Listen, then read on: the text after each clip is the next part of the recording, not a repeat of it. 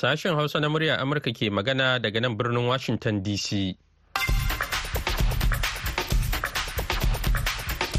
Masu sauraro Assalamu alaikum barkanku da asuba da fatan an wayi gari lafiya. Muhammad Hafiz Baballe ne tare da Murtala Faruku Sanyin na sauran abokan aiki muke farin cikin kasancewa da ku yau talata 26 ga watan Disambar shekarar 2023. Kafin ku ji abubuwan da muke tafa da su ga Murtala da kanin labarai. Wasu 'yan bindiga sun kashe akalla mutane 160 a jihar filato da ke tsakiyar najeriya a wasu jerin hare-hare kan ƙauyuka da dama Firaministan Isra'ila Benjamin Netanyahu ya sha alwashin faɗaɗa yaƙin da ƙasarsa ke yi da ƙungiyar Hamas a Gaza yayin da hukumomi suka ba da rahoton mutuwar mutane da dama a wani harin da Isra'ila ta kai kan sansanin 'yan gudun hijira.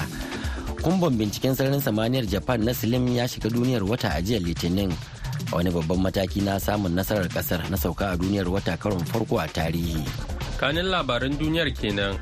A cikin shirin namu na yanzu za ku ji kiran da shugabannin kiristoci a najeriya suka yi yayin bukukuwan kirsimeti na wannan shekara.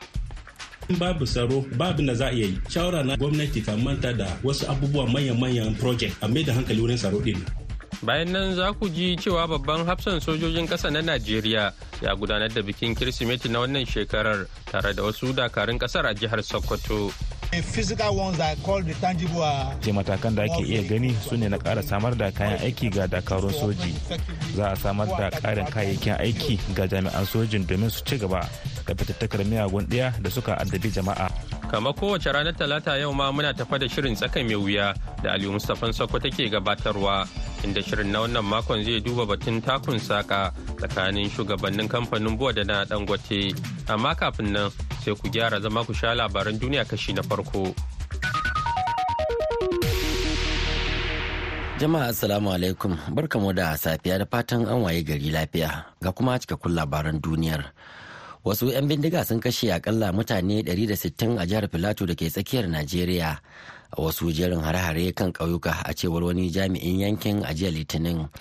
Adadin na waɗanda suka mutu dai ya karu ne kan wanda rundunar soji suka bayyana a yammacin ranar lahadi inda aka ce mutane goma sha shida ne kaɗai suka mutu a yankin wanda ya kwashe tsawon shekaru da dama yana fama da rikice-rikicen addini da kabilanci wanda ya kasa shugaban hukumar wato karamar hukumar mulkin bokos ta jihar filato ya faɗa wa kamfanin dillancin labarai na afp cewa kimanin mutane 113 ne aka tabbatar da mutuwarsu a hare-haren da aka soma kaiwa tun daga ranar asabar har zuwa safiyar jiya litinin.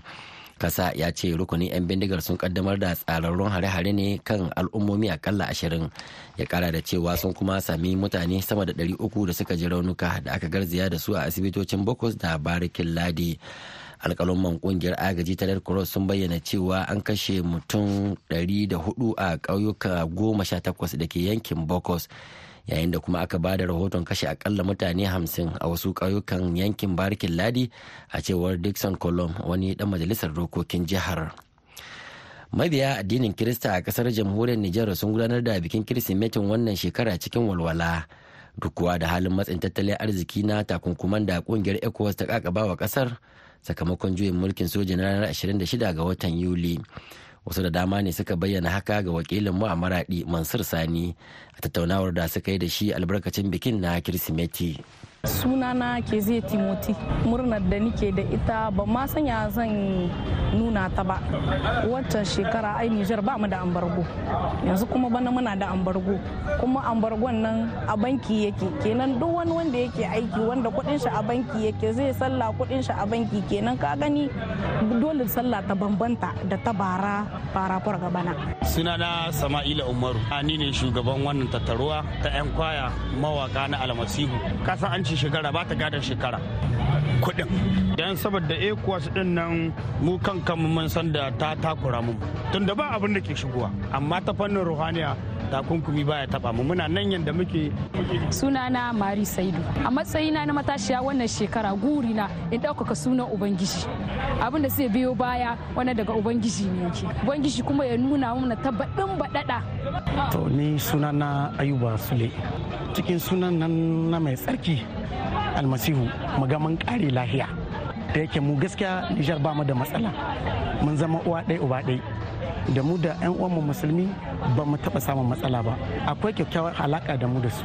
Suna zuwa har cikin ikkilisiya hidimomi duka su wanda ya kasance muna zuwa can na musulmi wani harkar maulidi ne sai da aka gayyace na harkar maulidi. Pasto Sama'ila Labo na Egliz AARN Maradi Jamhuriyar Nijar ya bayyana matsayin wannan rana da mafatansu ga ƙasa da ma Nijar da ma duniya baki ɗaya. To dalilin da yasa a matsayin na Krista muke sallar wannan Kirsimati saboda na farko Kristi shine zababbe na Allah. Kristi shine wanda Allah ya mai da shi almasihu nasa domin ya zama hadayar sulhu tsakanin mutane da Allah wato ya biya alhakin zunuban 'yan adam. A gaida Mansur Sani. An jima yanzu kuma an jima kaɗan Murtala zai sake shigowa da ci gaban labaran duniya amma kafin nan bari mu buɗe taskar rahotanninmu. Mabiya addinin Kirista a jihar Neja da ke Najeriya sun yi amfani da bukukuwan ranar Kirsimetin wannan shekara ta 2023 wajen janyo hankalin jama'a kan muhimmancin haɗin kai da kuma zaman lafiya a Najeriya. Shugabannin Kiristoci dai sun yi kira da gwamnati da ta mai da hankali wajen samar da tsaro a faɗin ƙasar. Daga Neja ga rahoton da wakilin Mustapha Nasiru Bazari ya aiko mana. Duk da yake dai bukukuwan na Kirsimati na wannan shekara ya zo cikin yanayi na rashin walwala a sakamakon ƙarancin kuɗaɗe a hannun jama'a da kuma uwa uba tsadar man fetur da ta'addabi 'yan ƙasa, amma mabiya addinin Kiristan suna cike da farin ciki. Saboda zagayowar wannan rana ta tunawa da haihuwar Yesu almasihu, Bishop Bulus Yohana shine shugaban ƙungiyar Kiristoci ta jihar Niger. Ya yi amfani da wannan dama wajen bayyana cewa suna buƙatar ganin gwamnatin Najeriya ta mai da hankali wajen samar da tsaro ga 'yan ƙasa. In babu tsaro babu na za a yi. Shawara na gwamnati ta manta da wasu abubuwa manyan-manyan project a mai da hankali wurin tsaro ɗin. Don kana da babban project ko abun da ka yi in babu tsaro babu na za ka yi tafiya ma ya zama wahala. To shi ma dai tsohon kwamishinan labarai na jihar Niger Mr. Jonathan Batsa ya ce ba su goyon bayan yin sulhu da duk wani dan ta'adda da ya addabi 'yan Najeriya. Akwai wa'yansu manyan mu a arewa wanda har yanzu ba su amince cewa mutanen nan a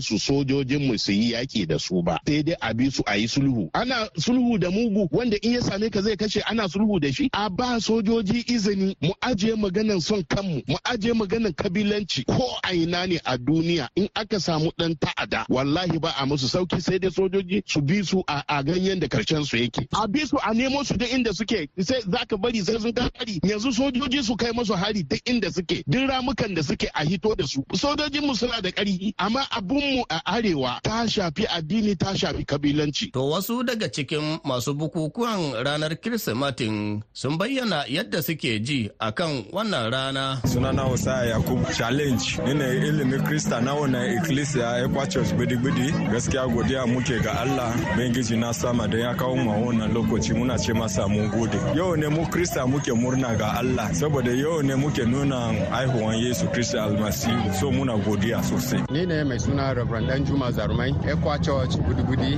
mai tumbi mina. Addu'a abu na farko addu'a.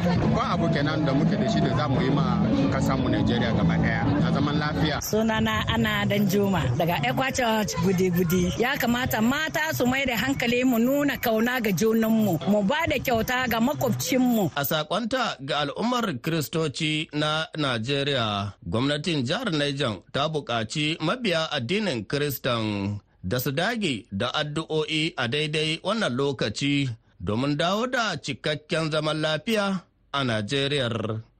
Mustapha Nasiru Batsari, muryar Amurka, daga Mina a Najeriya. A gaida Mustapha Nasiru ba tsare da wannan rahoton. Ana tare ne da sashen Hausa na muryar Amurka a birnin Washington DC. Ga Murtala ya dawo da kashi na biyu na labaran duniya. Firayim Ministan Isra'ila Benjamin Netanyahu ya sha alwashin faɗaɗa yaƙin da ƙasarsa ke yi da ƙungiyar Hamas a Gaza a yayin da hukumomin lafiya a yankin suka ba da rahoton mutuwar mutane da dama a wani harin da Isra'ila ta kai kan sansanin 'yan gudun hijira. Hare-haren isra'ila sun daki tsakiyar gaza da yammacin lahadi zuwa jiya litinin. Hukumomin kiwon lafiya a yankin da ke ƙarƙashin ikon hamas sun ce akalla mutane saba'in ne suka mutu a wani harin da isra'ila ta kai a sansanin 'yan gudun hijira na magazi. Rundunar sojin isra'ila ta ce tana nazari kan harin da aka ce an kai a sansanin na magazi yayin da ta jaddada aniyarta na rage cutar da fararen hula a yaƙin da take yi na kawar da ƙungiyar mayaƙan hamas. A jiya litinin ƙasar masar ta yi ta yin wani shiri domin kawo ƙarshen rikicin da ake fama da shi a halin yanzu tare da tsagaita buɗe wuta da wani rukuni na sako waɗanda ake garkuwa da su tare kuma da kafa gwamnatin ƙwararru ta palestino da za ta kula da yankin zirin gaza da yammacin gabar kogin jordan. A cewar wani babban jami'in masar da kuma wani jami'in diplomasiyyar turai da ke da masaniya kan shirin. Kumbon binciken sararin samaniyar ƙasar japan na silim ya shiga duniyar wata a jiya litinin a wani babban mataki na samun nasarar ƙasar na sauka kan wata karon farko da ake sa rai a watan gobe. An yi wa kumbon na silim lakabi da moon sniper saboda an kera shi ne don sauka a cikin tazarar wato tazarar mita 100 na wani ayyanannen bagire a saman duniyar wata.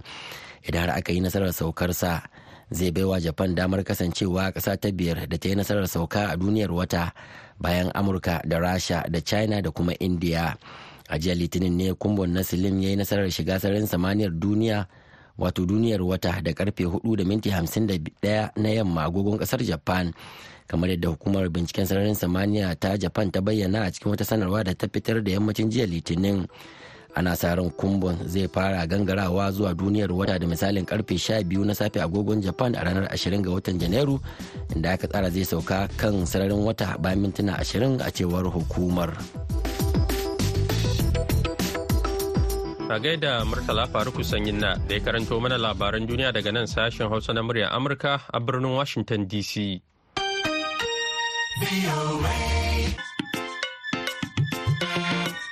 Madalla yanzu kuma sai rahotonmu na biyu yayin da mabiya addinin Kirista a duniya ke ci gaba da shagulgulan Kirsimeti rundunar sojin Najeriya ta baiwa jama'a tabbacin ci gaba da ɗaukar matakai na kawar da ayyukan ta'addanci da wanzar da zaman lafiya a shekara mai zuwa ta 2024. Wannan na zuwa ne lokacin da babban hafsan mayaƙan ƙasar Lieutenant General Torede Labaja ya ziyarci Sokoto da ke arewa maso yammacin ƙasar. Don taya jami'an soji bikin kirsimeti. Kwana ɗaya bayan da sojojin suka mika gwamnatin jihar mutum 66 da suka ceto daga masu garkuwa da mutane. Daga sokoto ga muhammad nasir ɗauke da ƙarin bayani. Babban hafsan mayaƙan ƙasa na najeriya lieutenant general taurik labaja kenan lokacin da yake cin abincin rana na bikin kirsimeti da jami'an soja a sokoto inda har ya zuba abinci ga jami'an sojin da suka samu raunuka a fagen daga. Wajen fafatukar samar da tsaron ƙasa a wurare daban-daban.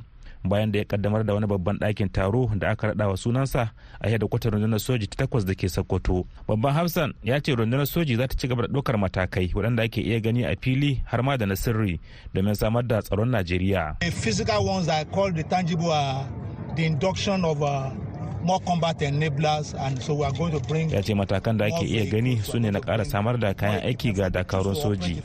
za a samar da ƙarin kayayyakin aiki ga jami'an sojin domin su ci gaba da fatattakar miyagun ɗaya da suka addabi jama'a. The intangible is what you can see physically here.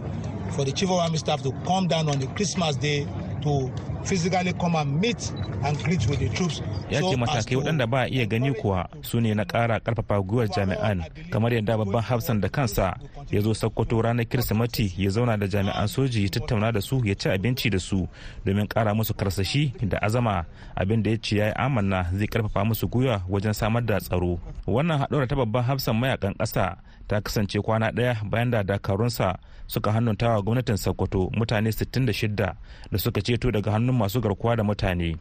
Mataimaki na musamman ga gwamnan jihar sokoto a haujin tsaro kanal abdul a. Usman mai ritaya ya ce an ceto mutane ne a shirin yakar 'yan ta'adda da ke gudana a sokoto da ma wasu sassa na arewa maso yamma. To operation ne wanda yake ana samun success kuma yana kyau sosai amma a adadi yanzu na abin da aka ƙwace musu makamai ko kuma rashin rai wannan mun bai shi na sirri. Amma a cikinmu akwai mutum ɗaya wanda yake an kama shi kuma ya rasa ransa. In ka duba wanda muka ɗauko su akwai mata masu ciki sannan akwai jarirai. Akwai wanda ta haihu ma a can bai fi sati biyu ba suka ɗauka. To a taƙaice ka duba ma bayan jariran zaka gani har azaba suke musu da wuta. Ita kuwa gwamnatin jihar sokoto tabbaci ta bayar ta bakin gwamna dr ahmad aliyu sokoto. Na mai ƙara tabbatar muku cewa a gefen gwamnati shirye muke. Duk abin da ya kamata mu yi za mu yi mu tabbatar da cewa an ci gaba da yaƙi da waɗannan 'yan ta'adda har lokacin da muka samu damar yin kwana da idanu biyu a rufe. to sai dai a cikin daren ranar da soja suka hannuntawa gwamnati mutanen da suka ceto an samu rahoton barayi sun kai wani hari a ƙauyen kuriya da ke karamar mulkin raba ta gabacin sokoto kamar yadda honorable abbas aliyu kuriya dan asalin yankin ke cewa misalin ƙarfe takwas da rabi a garinmu na kuriya yan bandit sun shiga. Wajen mashin talatin ko fiye da ɗauke da mutane. Suka shiga gidaje suna kashin mutane suna banya dabbobinsu. To a dai tsakanin minti dai talatin da biyar zuwa minti arba'in allah ya sa sojoji suka zo. Su su buɗe wuta ɓaran su buɗe wuta. A ƙarshe dai ɓaran sun gudu. To zai abin nake gaya ma dai a dai mutum goma sha biyu suna kashe mana a kuriya. Yanzu wani abu da wataƙila kan iya ƙarfafa gwiwar jama'a shine motoci guda saba'in da gwamnatin sokoto ta yi alwashin bayarwa ga jami'an tsaro. Yanzu sun riga sun shiga hannun jami'an wataƙila za su yi cikakken amfani da su su taimaka musu wajen yaƙi da 'yan ta'addar. Muhammad nasir muryar amurka daga sokoto a najeriya. To madalla da muhammad nasir. Yanzu kuma ga shirinmu na gaba. Tsaka mai wuya.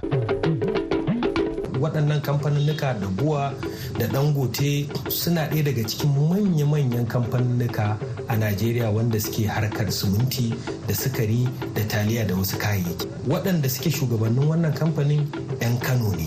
To kaga dole ne abin ya shafi mutane dole ne ya dame su cewa a ga waɗannan 'yan kano ne 'yan kusan ma unguwa ɗaya ga su nan ana ta cece kuce ana fafatawa akan kasuwanci. Dama yaƙin da ake ai sababbin kwastomomi ne ake so kowa ya ga ya ɗebi nasa.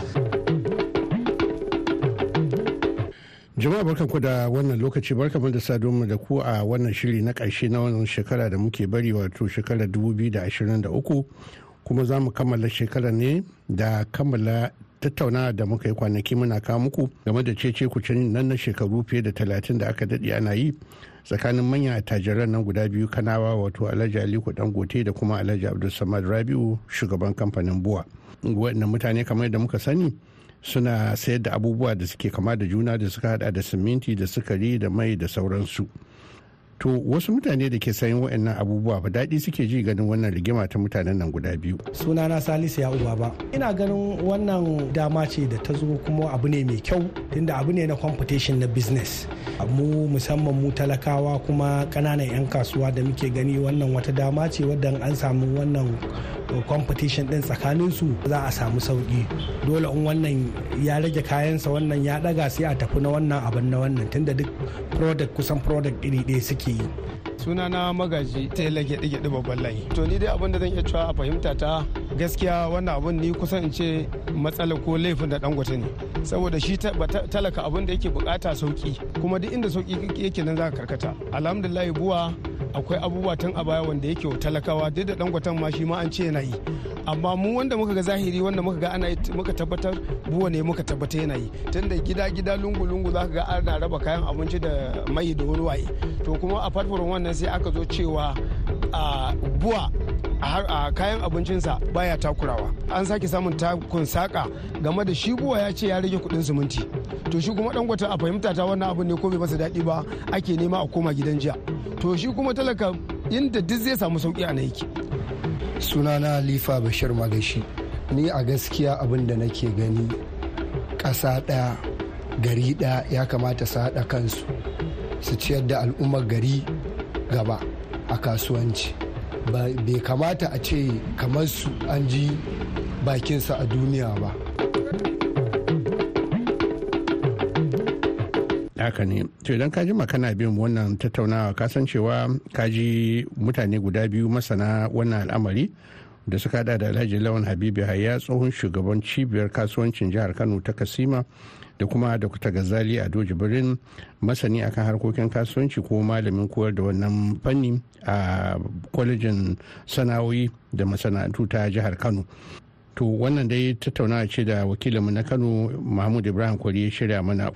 To wannan shiri na ƙarshe za mu buɗe shi ne da wannan tambaya. Shin akwai alheri a wurin jama'a da kuma tattalin arzikin najeriya? Daga cikin wannan faɗan da ake tsakanin wannan manyan attajirai? Wani zubin rabuwar kan al'umma akan wani fahimta ai rahama ce akan al'umma. Kowa da irin yadda ya fahimci harkar kasuwanci ta nan yake binta kuma ta nan yake taimakawa al'umma.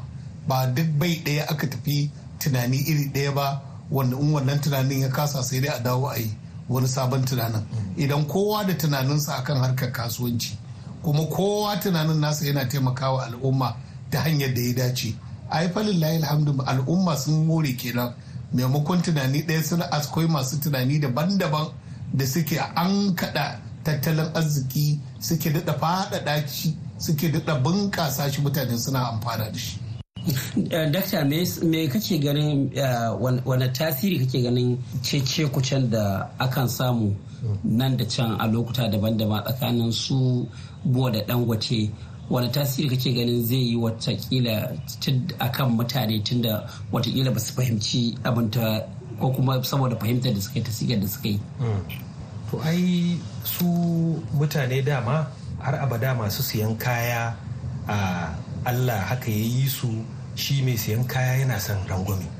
Ya samu abu cikin rangwame mai sauƙi mai kyau a ƙaramin kuɗi. Shi kuma a wata ɓangaren 'yan kasuwa da suke sai da kaya su abin da yake gabansu shine su samu riba. Wannan kuɗaɗen da suka sa su bunƙasa su bunƙasa a burin duk wani ɗan kasuwa ya samu riba ya samu riba ya samu riba. Abin da ya sa wannan abin ya fi ɗauka hankali shine na ɗaya waɗannan kamfaninnika da buwa da dangote suna ɗaya daga cikin manya-manyan kamfaninnika a najeriya wanda suke harkar siminti da sukari da taliya da wasu kayayyaki. Su ne manyan kamfani wannan labur da babu ja. Na biyu kuma waɗanda suke shugabannin wannan kamfanin 'yan kano ne. To kaga dole ne abin ya shafi mutane dole ne ya dame su cewa a ga waɗannan 'yan kano ne 'yan kusan ma unguwa ɗaya ga su nan ana ta cece kuce ana fafatawa a kan kasuwanci. Kuma sannan kasuwancin na kayayyaki da yake sun shafi rayuwar mutane me siminti fulawa da sukari da sauransu. Wannan ni abin da nake gani ba abu ne da zai damu mutane ba amma yana da kyau. Yana da kyau domin duk da za mu ga kamar ko su kamfanin dangoton ba su damu ba sun damu. Saboda idan ka lura a wani lokaci da aka yi wannan maganar a cewa kamfanin bowa sun rage farashin su ai daga baya su ma kamfanin dangoton sun yi magana amma dai ba ragewa suka yi ba sun nuna wani abu don kaga kar ya kasance wannan abun ya janyo musu kwastomomi. Ina son mutane sani cewa shi kasayya da ake tsakanin kamfanin nuka ko dai kwastomomi wanda suke a ƙasa an riƙe su tunda kowa yana da nasa. Sannan dama yaƙin da ake ai sababbin kwastomomi ne ake so kowa ya ga ya ɗebi nasa. Abinda kawai jama'a nake so su sani wannan ba wani abu ba ne har abada kamfanuka ba ma a najeriya ba a duk duniya ana wannan kasayyar. Kowa yana so ya ga ya ci riba kowa yana so ya ga shi shine ya mamaye kasuwa. Ai shi yasa zaka ga a ƙasashen waje ba irin ƙasashen mu ba ana cin tarar kamfanuka. Idan kamfani ya yi wani abu da zai cinye kasuwa shi kaɗai ya danne ragowar ya samu wata dama da ta fi su don ko ya takurawa kwastomomi to gwamnati tana shiga ta ɗauki matakai. To wannan nisan ga ba wani abu ba ne abu ne na kasuwanci kuma yana da kyau. To kenan za a iya cewa shiga taitayinsa zai sa buwa din shi ma kamfanin buwa ya shiga taitayinsa. Watakila wannan siga da shi misali buwa yake yi bi tana ɗaya daga cikin ko yana da nasaba da rashin ɗaukar irin waɗancan matakai da kake magana ana akan ɗauka wasu lokuta a ƙasashen italiya tsakanin kamfanoni misali ko na taka birki ko wani abu misali na gudun mamayewa aka gaskiya za ka ga nan da yake ƙasa ce mai tasowa kuma abin bakin ciki mu najeriya mai nan man fetur ya zama shine kawai idan gwamnati shi gwamnati tafi damuwa da shi. Gwamnati ita ce take ba mutane aiki ita take samuwa da mutane kuɗi kamfanin ba a damu da su ba. To dalili sai ka ga gwamnati ba ta damu da irin waɗannan ba ta dudduba a kamfani kaza ya kaza ya wuce makaɗi da rawa kamfani kaza ya kaza. To rashin wannan ne gaskiya ya sa za ka ga ana samun wannan abu. to malam wato ya za a samu wataƙila gwamnati ta shigo a irin wannan tsarin ba tare da an rikirkita mutane lissafin su ba waɗanda ba su fahimci yadda abubuwan suke tafiya ba cewa a fito da wani tsari wanda zai daƙile irin wannan mamaye da manyan kamfanoni suke wa kanana ko kuma masu tasowa ai wato ita gwamnati babban aikinta musamman gwamnatin da ta fitar da manhajar tattalin arzikinta na jari hujja ne. Babban aikinta shine ta fitar da dokoki na yadda kamfanoni za su rayu da irin dokokin da za su bi wato ethics din su ke da su gudanar da kasuwancinsu su zuba kuɗi su fitar da riba. Daga ɗan gefe takan yi domin ta taimakawa ƙananan kamfanoni domin su tashi ta ba su wato aran jari da ba su bashi. Amma babban abu shine wato enabling environment.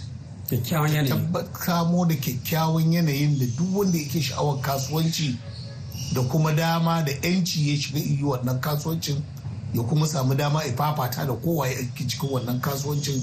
Ma damar ya bi doka da tsari na kasuwanci wanda ƙasar ta ta shimfiɗa shi. To saboda haka idan ma musamman ƙasa da take da jari hujja takan ɗanyi goce ta taimakawa ƙananan kamfaninnika da suka tashi domin su ma su samu dama haɓaka domin haɓakar tasu ita ce za ta kawo aikin yi. In mutane suka samu aikin yi kuma iza mana cewa an samu cewa ana gogayya wato kowanne zai shiga har babban kamfanin za su shiga taitayin su kuma sai al'umma su amfana kayan sai su zo da sauƙi kaga wato hawa farashi ta sauka sannan mutane sun samu aikin yi sannan kuma ita da kanta gwamnatin ta samu kuɗaɗen shiga. To amma malam idan haka ne kai tsaye za a iya cewa domin dama akwai wataƙila bayanai mabambanta a tsakanin ku masana tattali cewa Najeriya nan kamar tsarin jari hujja take yi na tattalin arziki wasu kuma suna ganin cewa a shi ba ba za kai tsaye ba za a iya kiransa na jari hujja ba. Kai tsaye yanzu a wanne ake misali? Eto, ai ya fi karkata ga jari hujja ko da yake ana kiransa mixed economy ta inda gwamnati tana shiga tana intervening tana taimakawa. Wato a inda zunzurutun jarin hujja ike babu inda gwamnati za ta fito domin ta taimakawa wani kamfani ya samu dama kowa shi zai taimaka kansa. To amma yanayin canjin ƙasa da kuma tattalin arziki na duniya ya sa ƙasar da tafi ko ina jari hujja kamar irin su amerika su kansu yanzu ya zamana suna abin da ake kira capitalism with human face. Su akan kansu yanzu suna tallafawa waɗansu kamfanonin domin su tashi. Matsalar shine idan kamfanin wani irin kwatankucin tallafin nan da ake jiwa a janye kwatankucin haka. To a gaishe ku. To na za mu tsaya nan mu yi muku ban kwana sai mun shiga sabon shekara mu da muku da wani sabon shirin Allah da muna so mu kammala da godiya ga su bakin namu da suka yi kwanaki suna mana fashin baki kan wannan rigima wato Dr. Gazali Ado Jibrin da kuma Alhaji Lawan Habibu Hayya. sannan da godiya ta musamman ga shi jigon tattauna dan wakilinmu Mahmud Ibrahim Kwari a can kanan ta Dabo. A madadin su duka ne ne ali mustapha sokoto a nan washington dc allah ya sa mu ga sabon shekara lafiya mu ita lafiya mu gama da ita lafiya. Mun baku lafiya. A gaida aliyu mustapha sokoto. Yanzu kuma sai labarai amma a taƙaice. To Hafiz a taƙaice wasu 'yan bindiga sun kashe akalla mutane 160 a jihar Filato da ke tsakiyar Najeriya a wasu jerin hare-hare kan ƙauyuka a cewar jami'an yanki a jiya Litinin. Can kuma Firaministan Isra'ila Benjamin Netanyahu ya sha alwashin faɗaɗa yaƙi da ƙasarsa ke yi da ƙungiyar Hamas a Gaza yayin da hukumomin lafiya a yankin suka ba da rahoton mutuwar mutane da dama a wani harin da Isra'ila ta kai kan sansanin 'yan gudun hijira. To masu sauraro da haka muka kawo ƙarshen shirin namu na wannan lokaci amma idan Allah kai mu an jima da hantsi da misalin ƙarfe 8 agogon Najeriya Nijar kamar da Chadi wato bakwai kenan agogon GMT da Ghana za ku ji za ku ji mu da wasu sabbin shirye-shiryen. Yanzu a madadin Murtala Faruku sanyin da ya na gabata